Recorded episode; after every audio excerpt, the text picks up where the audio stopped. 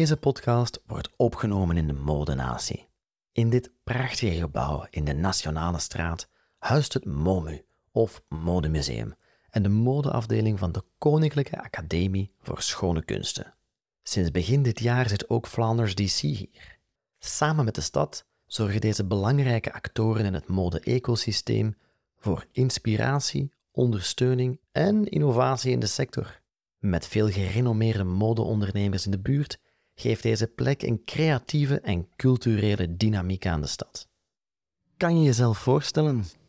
Hey, uh, ik ben Cedric Jacquemin. Ik uh, ben in 2010 afgestudeerd van de Antwerpse Modeacademie. Ik heb uh, de laatste 15 jaar in Antwerpen gewoond en gewerkt. Ik ben hier ook geboren.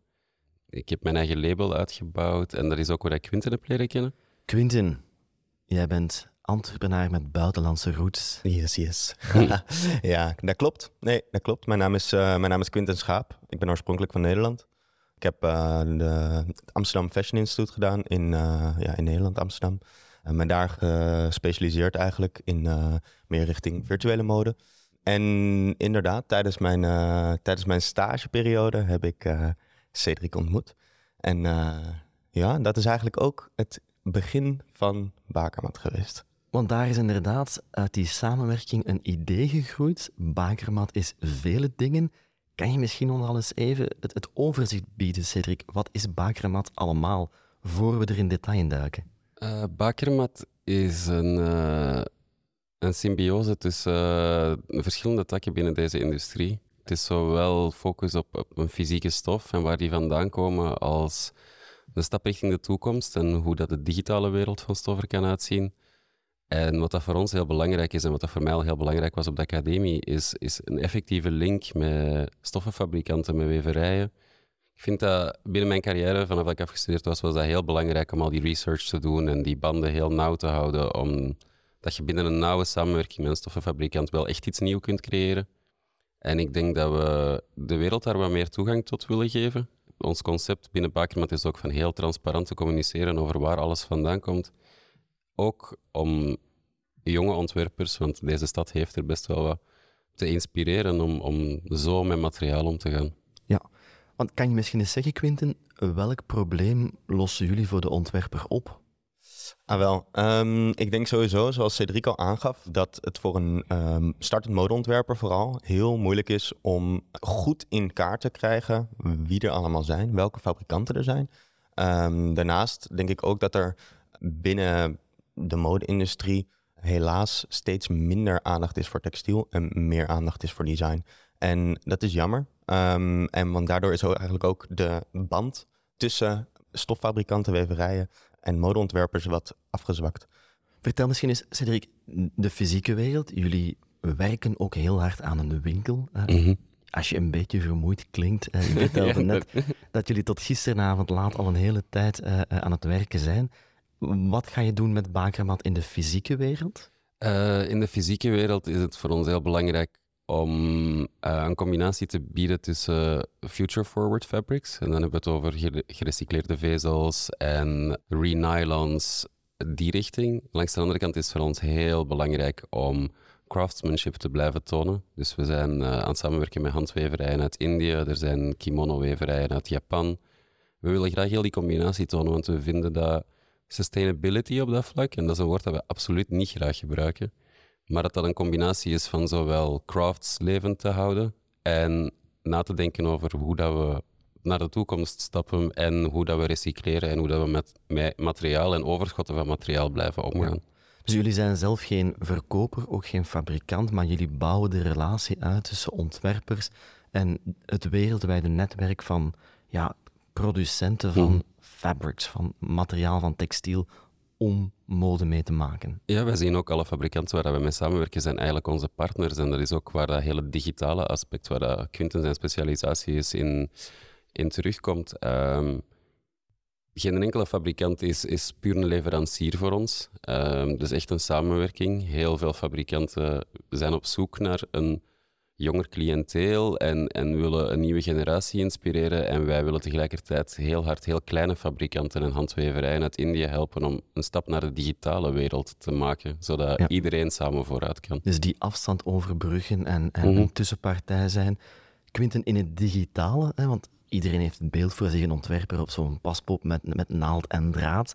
Maar ja, net zoals in de wereld van architecten of product design wordt er ook in de mode digitaal ontworpen. Je, je gaf zelf aan dat jij digitaal design of digitaal ontwerp binnen mode hebt gestudeerd. Wat is de bakermat in de digitale wereld? Ah, wel, dus wat er eigenlijk is, wat wij eh, eigenlijk eh, zien gebeuren in de industrie momenteel, is dat digitale tools, ontwerp, programma's, software om digitaal mode te ontwerpen, dat die meer en meer worden geïmplementeerd momenteel. En je moet het eigenlijk zien als een, ja, als een CAD-programma. Dus dat is net als dat je inderdaad in de, in de architectuur alvast of je, hè, je huis, je binnenhuisarchitect, die jou laat zien hè, hoe ziet mijn huis eruit na de verbouwing. Dat is eigenlijk wat er nu momenteel gebeurt in de mode-industrie. Die programma's, die software, die wordt geïmplementeerd. Maar er is nog een beetje een, een, ja, eigenlijk een opportuniteit voor ons. Een gat als we het hebben over digitaal textiel.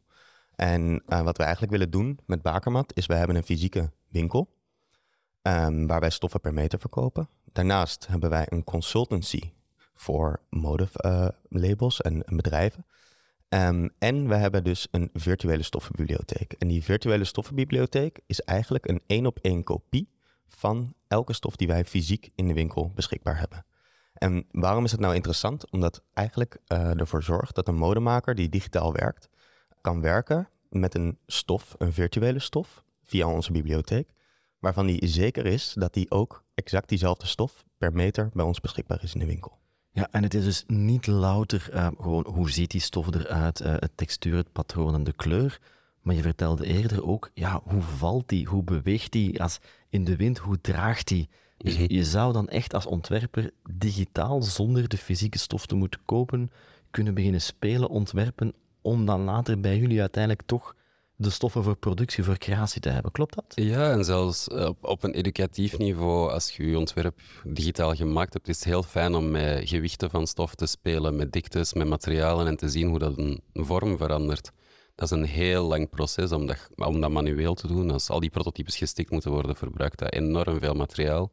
Terwijl dat we gewoon willen dat mensen daar heel speels terug mee kunnen omgaan. En eh, ik denk dat dat de meerwaarde is die wij dus willen bieden. in één klik heb ik plotseling de hele wereld van stoffen eh, in mijn vingers en, en heb je eigenlijk een creatief palet dat onwaarschijnlijk is. Maar het einddoel is nog altijd wel fysieke kledij eh, aan de vrouw of aan de man brengen. Nou ja, kijk, ik denk dat we hoe dan ook fysieke kleding nodig hebben. En dat is ook, wij zijn niet, tenminste, wij, ja, wij staan eigenlijk niet, eh, wij doelen niet op, op een totale digitale modewereld. Wat wij geloven is, er zijn digitale ontwikkelingen gaande. Er is een traditionele, eh, conventionele eh, mode-industrie. En op dit moment is het meest interessante gebied is de brug tussen die twee kunnen bouwen. Ehm, want dan kan je stappen en dan kan je progressie boeken. En dan kan je een systeem veranderen als je die twee laat samenwerken. Eh, en ik denk dat dat eigenlijk is wat Bakermat is. Een manier vinden om te kunnen, op een gemakkelijke manier te kunnen transitionen, zeg maar, tussen virtueel eh, creatie en fysieke realisatie. Ja, ja, eeuwenoude métier gekoppeld met de nieuwste digitale technieken. Laat ons even komen bij de call van Stad Antwerpen, want ja, je vertelde, eh, gestudeerd, gewerkt, elkaar ontmoet, tot dat idee gekomen. Mhm. Dan is daar die call van Stad Antwerpen, die richt zich ook tot de modesector. En wat hebben jullie precies voorgesteld? Welk project hebben jullie voorgedragen? Ah, wel, dus wat wij bij de stad Antwerpen eigenlijk hebben ingediend, is een bakermat als totaal, sowieso. Maar daarin de focus op het uitbouwen van die virtuele stoffenbibliotheek voornamelijk. Dat is waar de focus op, op gericht is.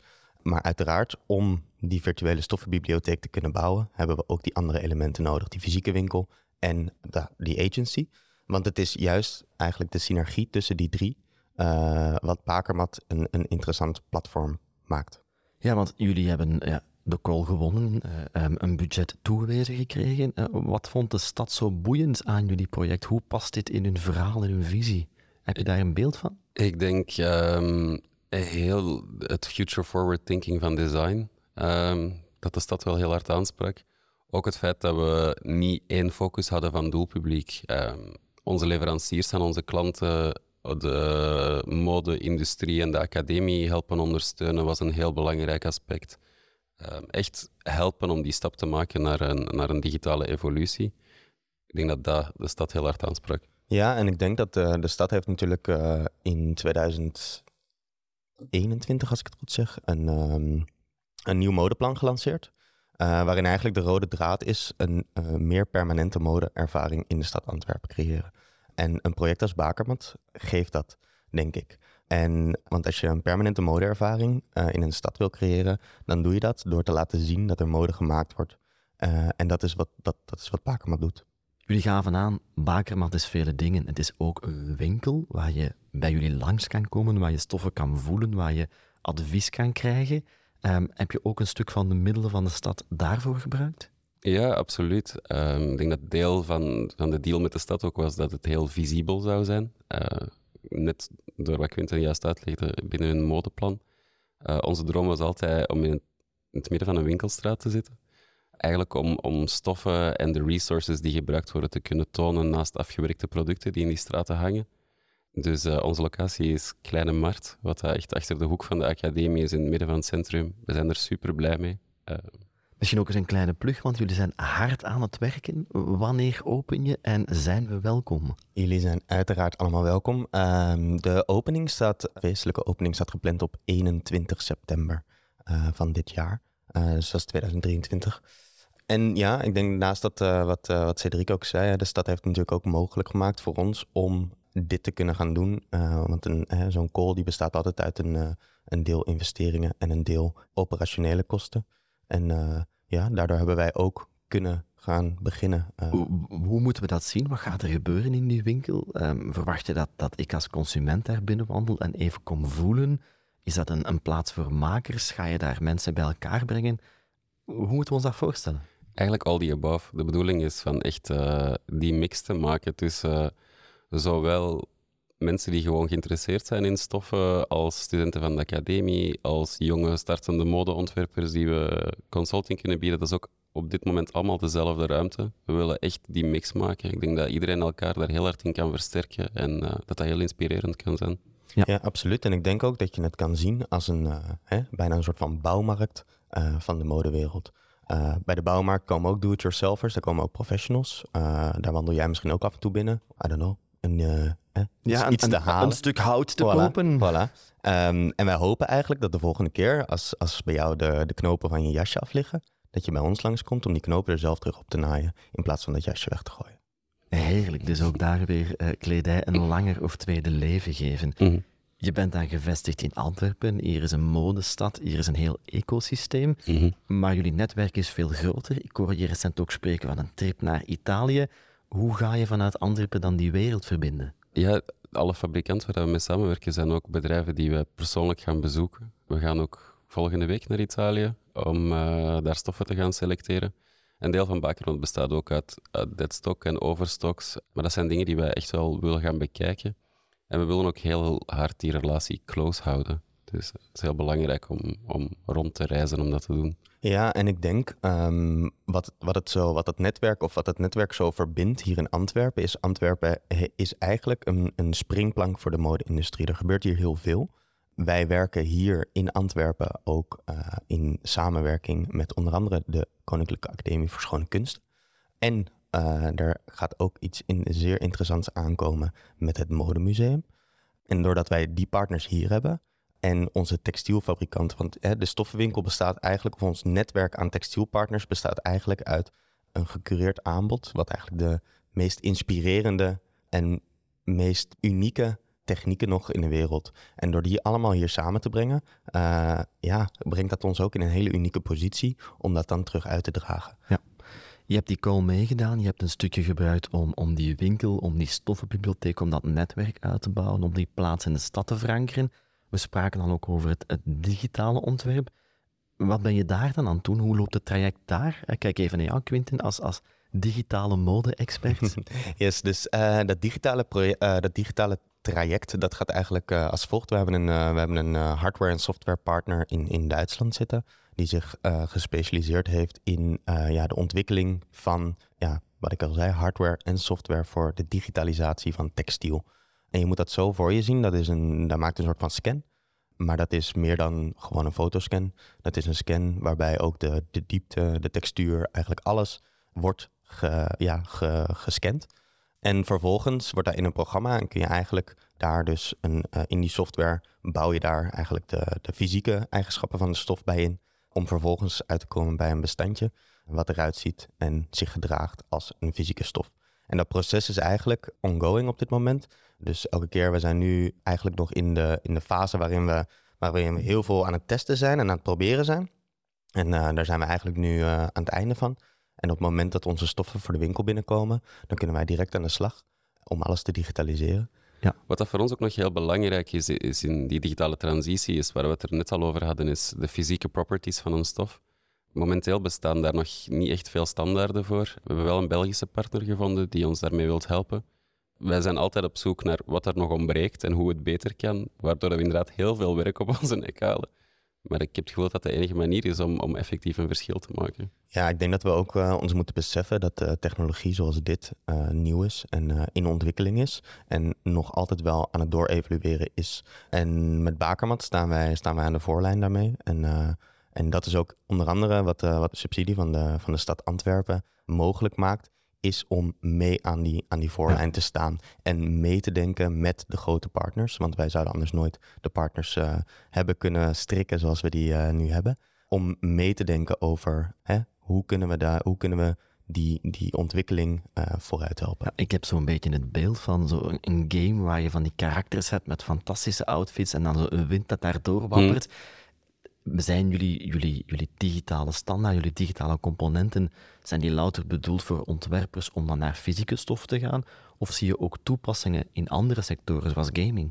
Voor mij is dat absoluut een optie. En ik denk ook dat dat de modeontwerper van vandaag veel meer ruimte geeft om, om creatief dingen te doen. Het enige wat dat voor ons heel belangrijk is, is dat die digitale stof nog een link heeft naar de fysieke wereld. Uh, ik weet niet of dat binnen game design voor hun heel belangrijk is, maar we willen echt die crafts meenemen naar de toekomst. En het zou amazing zijn om een, een digitale film te zien waarin dat je een stof herkent of een, een weving herkent. En, uh... De volgende CGI-blockbuster heeft dan misschien ergens een cape van Superman die eigenlijk een fabric is uit jullie library. Ja, wat dat amazing zou zijn. Misschien een gerecycleerde denim of zo. en die net iets realistischer wappert in de wind. Ja. Jullie hebben wel heel veel werk uh, om de hals gehaald, heel veel dingen in parallel. Jullie zijn heel hard aan het werken in die winkel. Is alles gelopen zoals gepland tijdens dit project, tijdens deze fase? Welke moeilijkheden kwam je tegen? Um, zoals in elk project is het antwoord nee. nee, ja, ik denk, uh, ik denk dat um, hè, over, de, over de algemeenheid denk ik dat, dat dingen eigenlijk zeer voorspoedig zijn gelopen. Maar dat komt ook omdat we onszelf, denk ik, zeer flexibel hebben ingesteld. Dat, dat vergt veel energie, maar dat zorgt ervoor dat je, dat, je, dat je kan handelen als dingen veranderen ik denk dat een van die voorbeelden is bijvoorbeeld die, die, hè, die fysieke stofeigenschappen in dat digitalisatie. Dat daar is nog zoveel evolutie in gaande op dit moment. Dat in plaats van te zeggen, hè, wij stoppen, we gebruiken dit alleen, dat we moeten zeggen, oké, we gaan één stap terug en we gaan kijken, we gaan verschillende dingen proberen. En we gaan verschillende dingen samen met onze partners bekijken wat het beste is. En ja, dat is een stapje terug doen om vervolgens samen. Ja, het is, je, bent aan het innoveren. Het is geen vooropgesteld plan waar je zegt stap 1 tot 10. Hmm. Nee, misschien dat je bij stap 3 ontdekt, het was toch net anders. Ja, absoluut. Andere hiccups, dingen dat je zegt, uh, goh, uh, hier hebben we ons toch aan vertild of hier hebben we een andere keuze moeten maken? Eigenlijk heel hard het omgekeerde het enthousiasme van onze, van onze textielpartners, hoe hard dat iedereen mee wil stappen in dit project, was uh, iets dat wij niet verwacht hadden. Hoe hard dat iedereen gelooft in een jonge generatie en, en die ondersteunen. En zeker als daar dan iets digitaal bij komt, hoe hard dat iedereen daar wilt in meestappen, was veel positiever zelfs als wij verwacht hadden. We hadden het gevoel dat we daar echt voor moesten knokken.